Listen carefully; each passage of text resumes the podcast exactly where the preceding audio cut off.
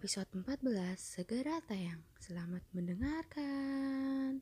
Assalamualaikum warahmatullahi wabarakatuh. Halo semuanya, selamat pagi, siang, sore, malam. Para pendengar podcast Ikan Menyapa.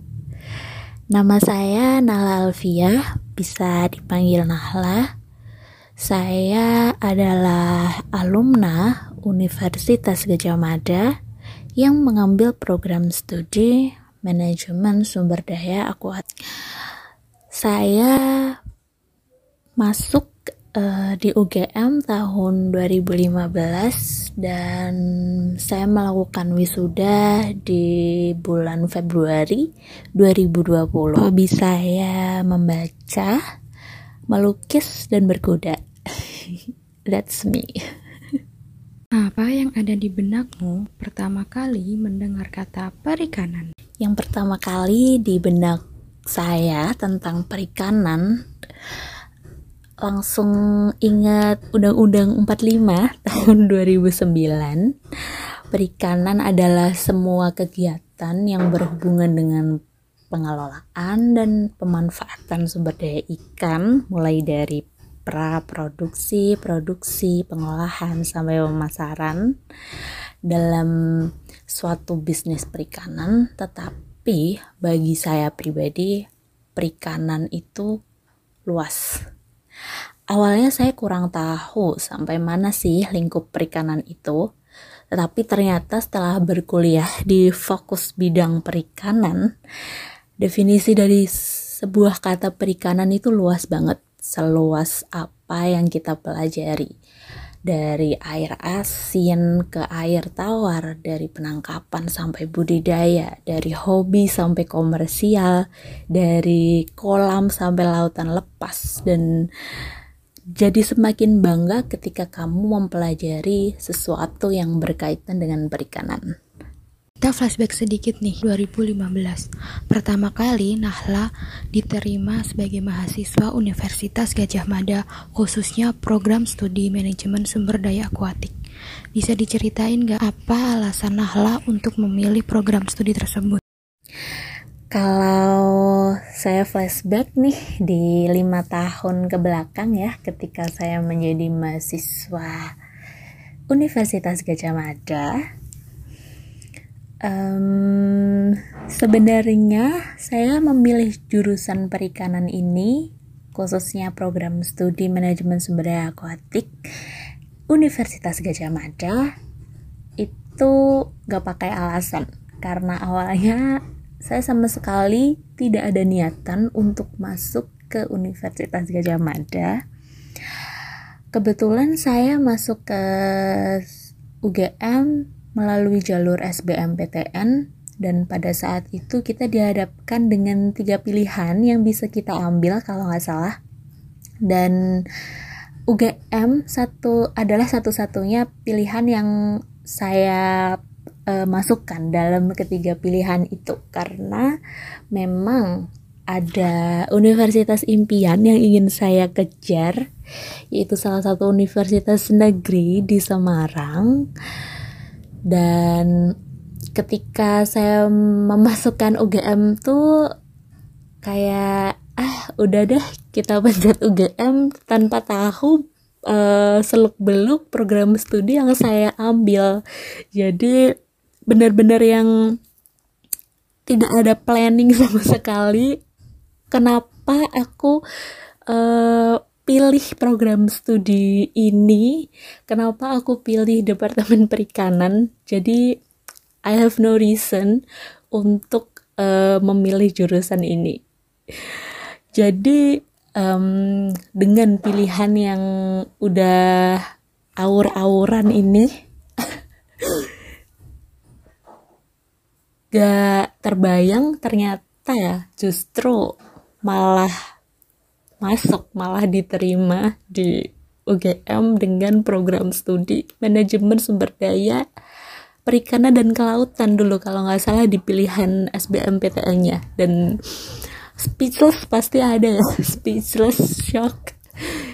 Dan wow gitu kayak sesuatu yang tidak kamu planning sebelumnya tuh terjadi dalam hidupmu perikanan yang awalnya bukan planning Nahla, terus setelah Nahla keterima, apa sih suka dukanya menjadi mahasiswa perikanan? Well, dari pilihan yang dilandaskan ketidaktahuan, kemudian jadi diambil, jadi dijalani, meskipun pada saat itu ada beberapa pilihan yang mungkin bisa diambil ya tetapi uh, orang tua menyarankan untuk memilih yang di Universitas Gajah Mada. Kemudian saya mulai oke okay deh berdamai dengan diri sendiri karena uh, pada saat itu saya juga bimbang, saya bingung apa memang ini jalan yang sudah Tuhan berikan gitu dan dukanya di tahun-tahun awal pasti ada ya. Karena sebagai mahasiswa baru kemudian kamu masih punya keinginan untuk aku pengen banget nih masuk ke sana kenapa sih aku nggak bisa? gitu. Karena um, pada saat itu saya yang saya inginkan itu saya kejar sampai ujian mandiri segala macam dan memang tidak tidak dapat gitu. Nggak nggak ada rezeki di sana kayaknya Jadi di tahun pertama masuk kuliah di Departemen Perikanan tuh agak berat gitu untuk saya.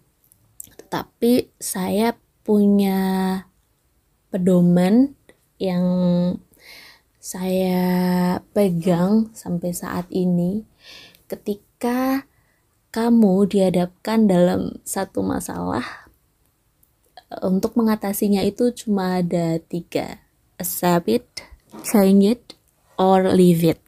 Dan pada saat itu saya uh, memilih untuk accept first. Saya terima saya jalani dulu dan saya ingin tahu dulu gitu kayak apa sih kalau mau dijalanin gitu. Dan setelah saya menjalani dengan perasaan yang masih agak berat ya saya kemudian mencari sesuatu yang bisa membuat saya nyaman gitu. Nyaman uh, di Universitas Gajah Mada dan saya ikut gelanggang expo yang memang acara tahunan ya untuk mahasiswa baru di mana di situ banyak unik kegiatan mahasiswa yang open recruitment uh, mengajak adik-adik maba nih untuk bergabung dalam organisasi mereka. Dan saya jatuh hati dengan salah satu UKM di universitas yaitu Equestrian Team UGM unit berkuda Universitas Gajah Mada. Dari saya ikut UKM itu saya jadi punya banyak kenalan, punya banyak teman yang mensupport saya bahkan di tahun-tahun pertama mungkin nggak sampai pertama mungkin lebih ya dari pertama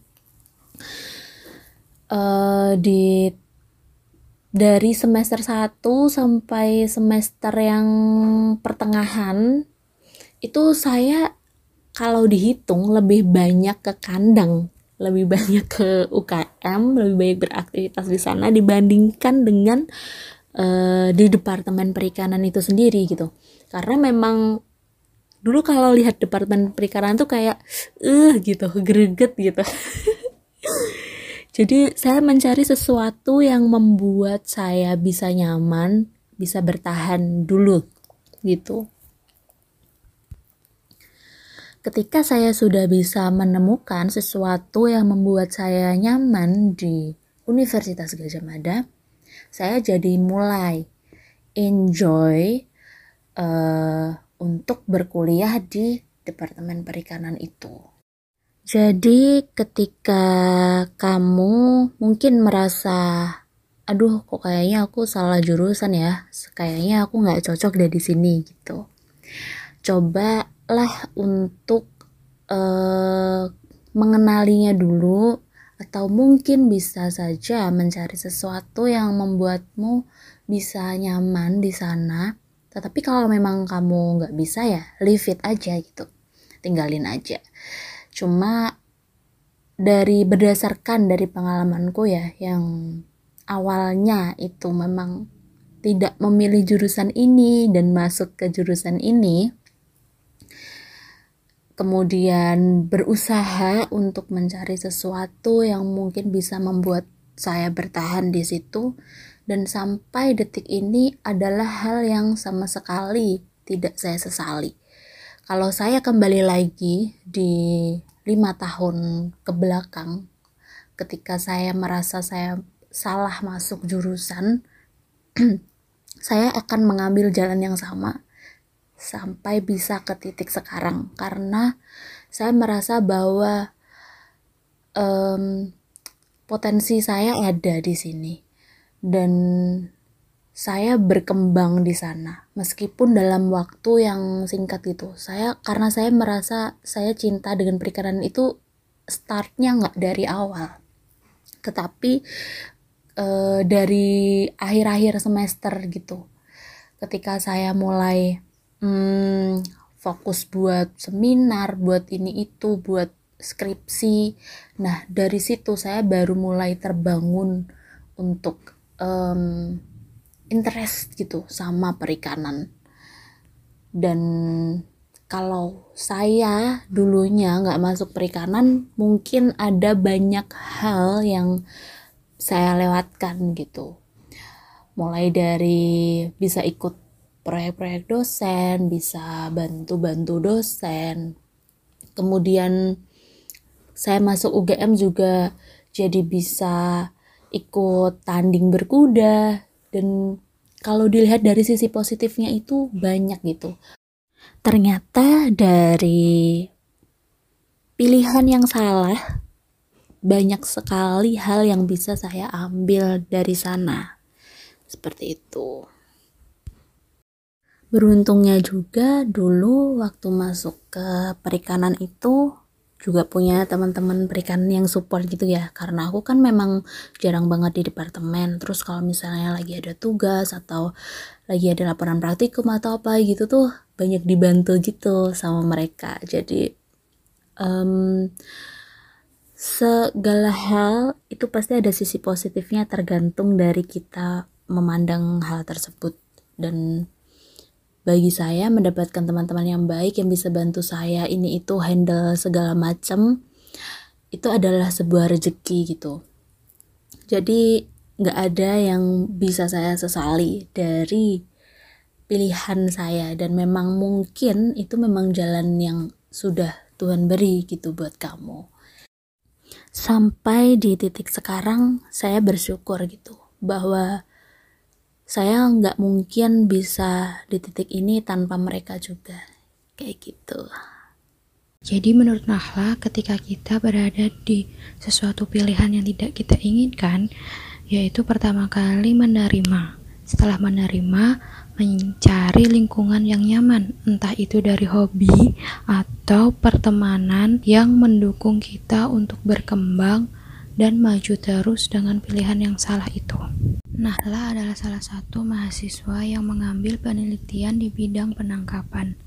Bisa diceritain gak sih pengalaman perjuangan penelitian tersebut? Bagaimana ikut nelayan? Bagaimana kehidupan sehari-hari di laut lepas? Benar banget ketika kamu dihadapkan dalam uh, suatu masalah apa pun itu. Kuncinya cuma tiga itu tadi. Accept it, change it, or leave it. Kamu mau terima dia dulu, kemudian ubah dulu, sesuaikan lingkunganmu dengan lingkungannya. Kalau nggak bisa, baru tinggalin gitu. Supaya kamu nggak melewatkan sesuatu yang mungkin bisa kamu dapetin dari hal itu. Kayak gitu. Kemudian kita bicara tentang penelitian saya. Jadi, penelitian saya ini adalah penangkapan ikan, pengoperasian alat tangkap. Saya memilih topik ini bukan tanpa alasan karena saya tergerak untuk mengambil topik ini pada saat saya praktikum penangkapan teknik penangkapan ikan pada saat itu dilakukan di Tenggale dan kita ikut melaut nelayan Pursein di sana saya merasa saya belajar banyak hal gitu. Karena langsung ya kita langsung melakukannya dan saya melihat bagaimana perjuangan mereka untuk uh, menangkap ikan kerjasama antar mereka mengoperasikan alat tangkap porsain yang super duper berat luar biasa. Bagaimana mereka menerjang uh, ombak di tengah lautan itu membuat saya amazed gitu. Kayak wow luar biasa. Beliau-beliau ini hebat gitu. Dan berawal dari situ saya ingin mengambil topik skripsi yang memang berhubungan dengan penangkapan ikan. Alhamdulillahnya pada saat itu ada salah satu dosen di Departemen Perikanan yang memiliki proyek terkait penangkapan. Kemudian juga pembimbing saya waktu itu Bapak Suparjo Supardi Jasmani. Saat ini beliau sudah pensiun, tetapi memang backgroundnya Bapak ini adalah penangkapan banget gitu. Dan memang sangat mendukung uh, dari keinginan saya dan kemudian saya ikut proyek dosen tersebut pada saat itu dilakukan di Tuban tepatnya di desa Jenu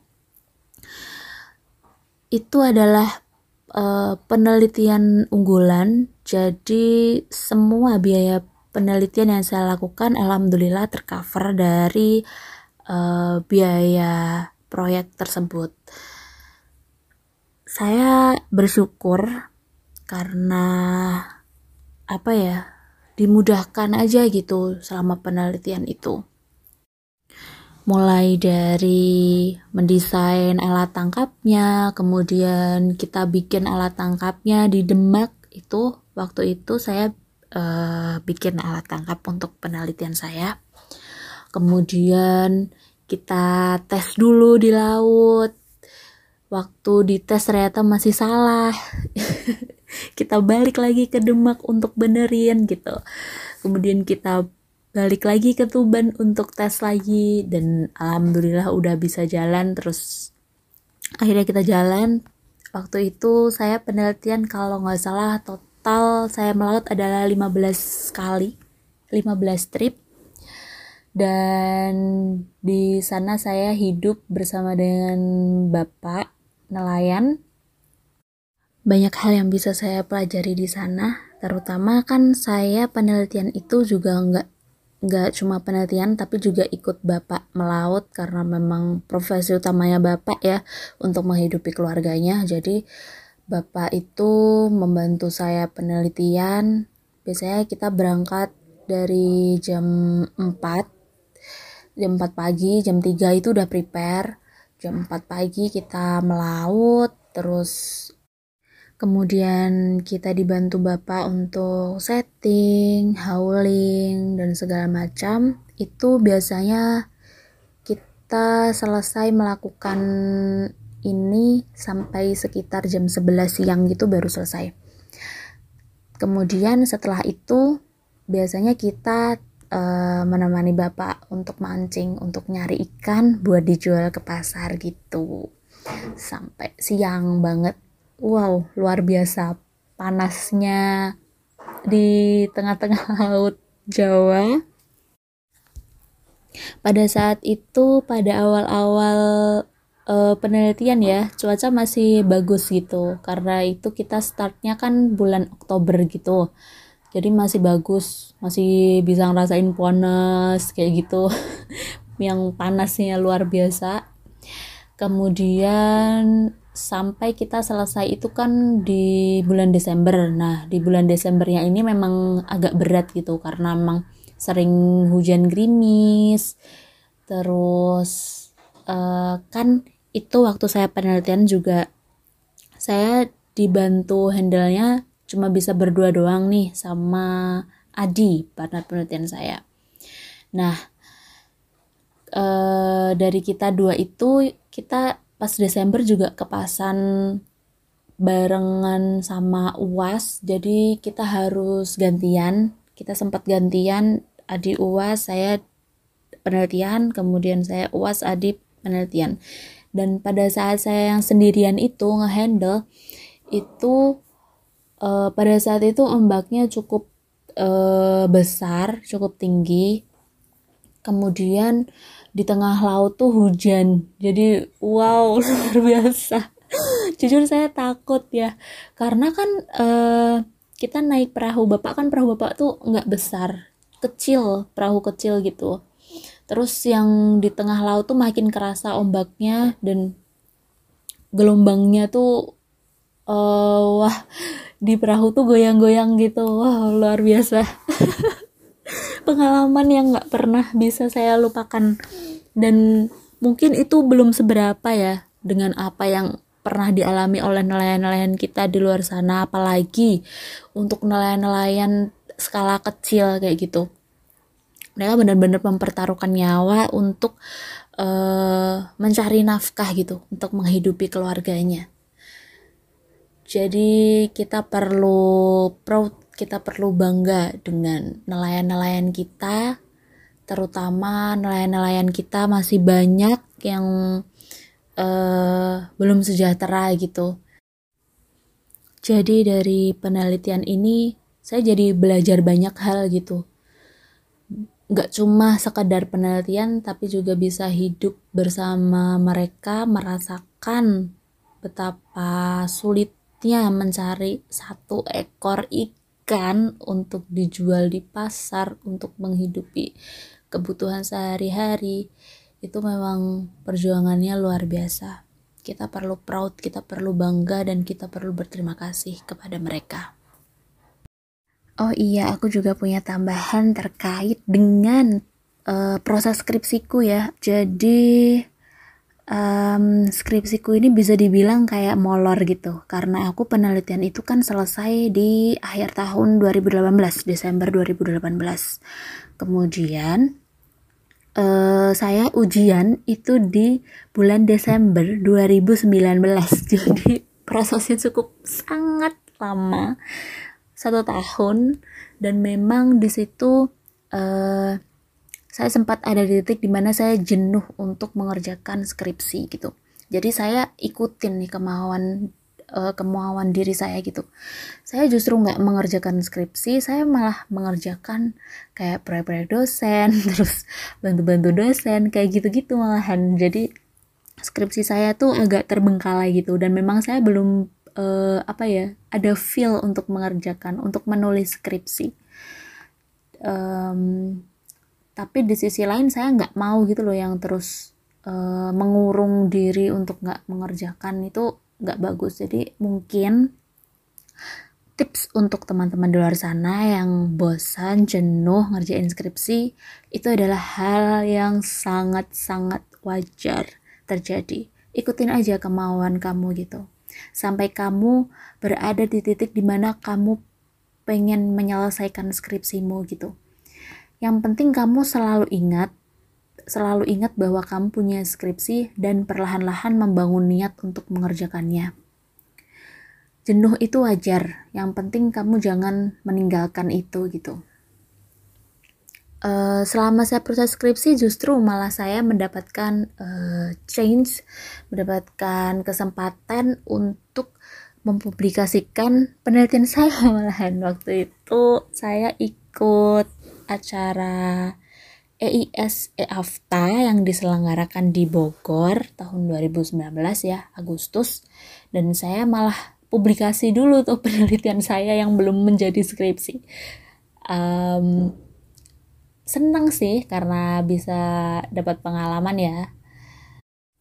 Dan ini bisa uh, jadi tips untuk teman-teman juga yang mungkin bosen lagi ngerjain skripsi kalian bisa cari-cari kegiatan gitu yang bikin kalian tuh seneng gitu. Yang penting selama kalian jeda dalam mengerjakan skripsi itu tuh enggak yang kosong gitu.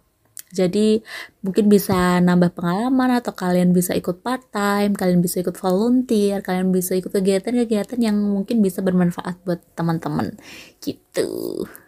Kalau satu kata yang bisa mendeskripsikan nelayan menurut Nahla apa? Satu kata yang bisa mendeskripsikan nelayan menurut saya adalah tangguh. Setelah berhasil menjalani kehidupan mahasiswa dunia kampus yang ditandai dengan wisuda bulan Februari 2020, pasti banyak nih pertanyaan-pertanyaan lanjutan.